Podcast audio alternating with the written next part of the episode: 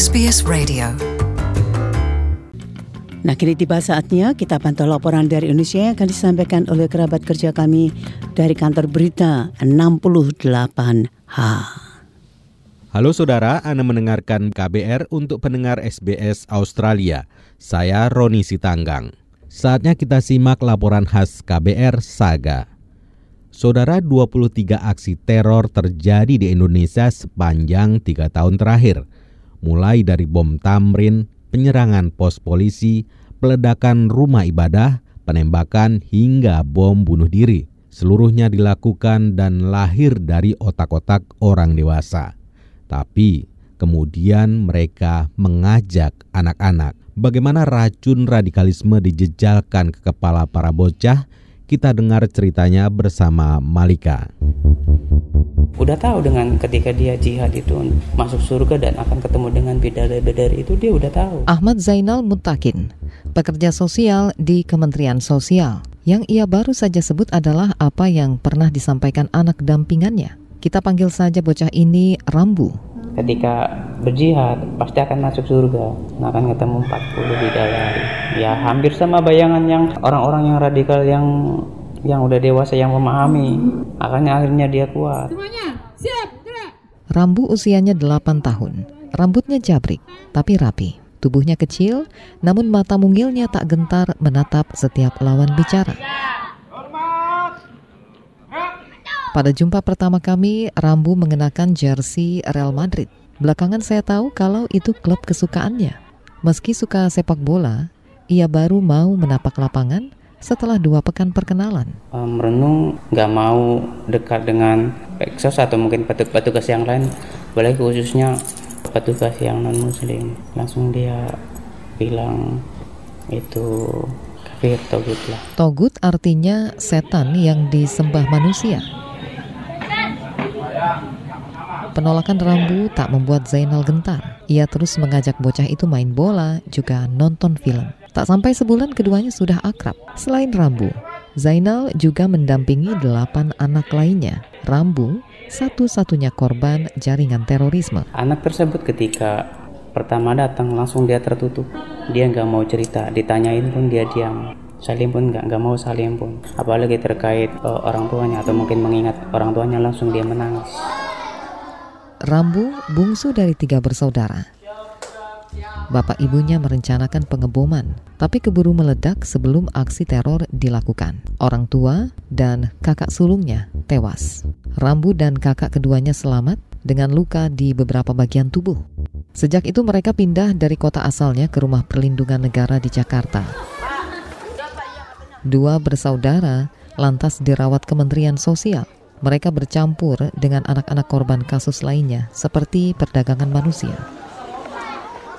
Pendamping lainnya Sri Wahyuni menilai, anak-anak seperti Rambu sekilas tampak seperti anak lainnya, hanya lebih tertutup. Ingin mereka nggak mau ekspresinya ketika kami tanya itu nggak mau menjawab, diem lebih banyak dia. Kita kan gali dulu. Sri pendampingi 10 anak Dua di antaranya korban jaringan terorisme. Kalau F ini lebih banyak geleng-geleng, tidak menjawab. Ciri khas lainnya, alergi dengan simbol kenegaraan. Bungkam ketika diajak menyanyikan lagu kebangsaan atau melafalkan Pancasila. Yang haya gitu kan, sambil berdiri dia duduk di situ kan. Saya tidak mau. Dia tegas menolak untuk tidak membaca Pancasila. Tapi lama-lama dia malah sekarang yang hafal dia yang hafal duluan dia yang semangat gitu kan keadilan sosial bagi seluruh rakyat Indonesia Sustriana Saragih adalah psikolog yang mendampingi anak korban terorisme. Menurut dia, sikap itu dibentuk karena orang tua menanamkan kebencian dan rasa curiga. Saat itu saya melihat level of takfiri, kecenderungan untuk mengkafirkan orang lain, PNS, yang beda agama, yang tidak beriman kepada Allah, polisi, itu adalah orang-orang yang kafir. Level takfirnya tinggi, kemudian komitmen to violence-nya tinggi. Berkomitmen anak mau mengeksekusi aksi terorisme, mau ngebom. Nah, di situ saya bisa menyimpulkan anak-anak ini red zone. Itu radikalismenya tinggi. Sustri tergabung dalam Sea Safe, jaringan koalisi masyarakat sipil yang fokus pada pencegahan radikalisme. Agen yang paling tepat untuk melakukan proses radikalisasi itu adalah orang tua memang. Karena encounter dengan anak itu terus menerus setiap hari. Ayah Rambu selama dua tahun berturut-turut membuat semacam bioskop kecil sebelum tidur. Yang mereka tonton ada jihadis yang rela badannya disayat-sayat sampai kelihatan tulang, darah. Yang ditonton video Amrozi. Jadi saya uh, tanya sama anak-anak ingatan-ingatan atau kenangan apa yang mereka dapat dari video jihad. Mereka ceritakan se ekstrim, se agresif itulah yang mereka tonton sehari-hari.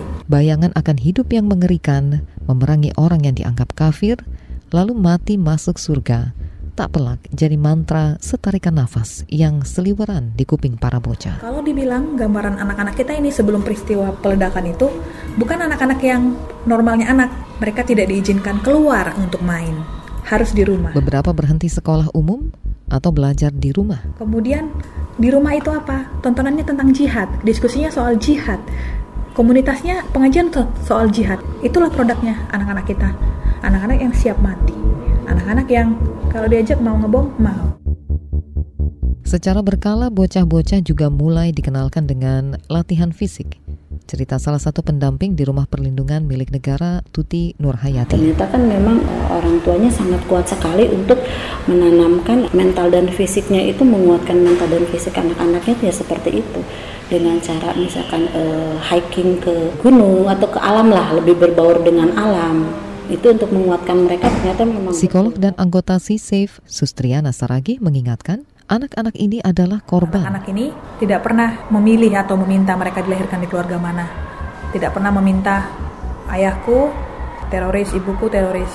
Mereka dilahirkan di keluarga itu bukan karena kesalahan mereka.